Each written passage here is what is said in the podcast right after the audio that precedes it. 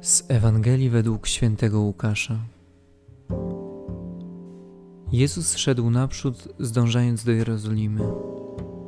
Gdy przybył do Betfage i Betanii, ku górze zwanej Oliwną, wysłał dwóch spośród uczniów, mówiąc: Idźcie do wsi, która jest naprzeciwko, a wchodząc do niej znajdziecie uwiązane ośle, którego nie dosiadł żaden człowiek.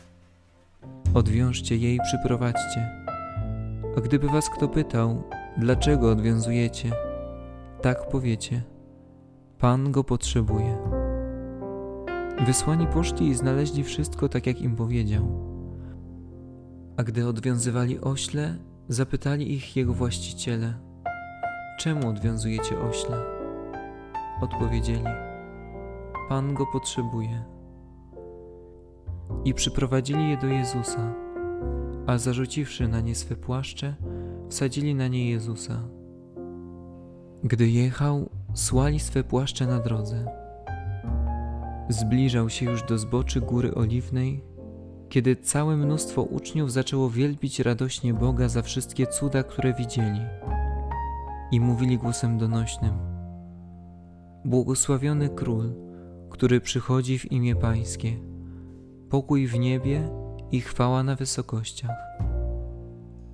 Lecz niektórzy faryzeusze spośród tłumu rzekli do niego: Nauczycielu, zabroń tego swoim uczniom.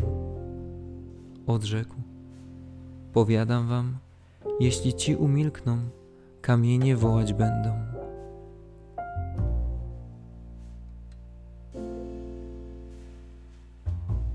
Jezus dzisiaj chce ci powiedzieć, że wszystko jest możliwe, jeżeli będziesz pełnił Jego wolę.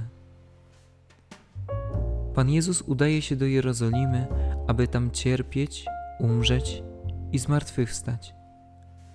Idzie tam z własnej woli, bo Ciebie kocha. Pan wjeżdża do Jerozolimy z okrzykami radości, ale on wie, że te głosy chwały zamienią się w krzyk nienawiści. Jest to dla niego bardzo trudne. Później w ogrodzie oliwnym będzie prosił: Ojcze, jeśli to możliwe, zabierz ten kielich. Ale Jezus nie daje się zwyciężyć lękowi, swoim obawom, ale mówi: Niech się spełni nie moja, ale Twoja wola, Ojcze. Droga do Jerozolimy Pana Jezusa jest wchodzeniem jest drogą pod górę, nie tylko w sensie geograficznym, ponieważ Jerozolima jest wyżej położona niż jezioro Genezaret, ale także duchowym. Benedykt XVI powie, że to wchodzenie, wznoszenie się prowadzi przez krzyż, że jest to wznoszenie się aż do miłości do końca. Droga do Boga jest drogą pod górę wymagającą ode mnie poświęcenia, dania siebie innym, ale jest również drogą uniżenia. Pan Jezus chce, abym wznosił się w swoim uniżeniu, to znaczy w pokorze, a pokora, jak niedawno usłyszałem, to myśleć o sobie mniej, a nie gorzej. Pokora to myślenie o Bogu i działanie tak, jak On chce.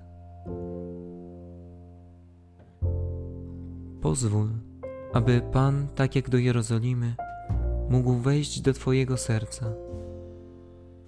Bóg nie przyjdzie do Twojego serca, jeśli go tam nie wprowadzisz, jeśli mu na to nie pozwolisz.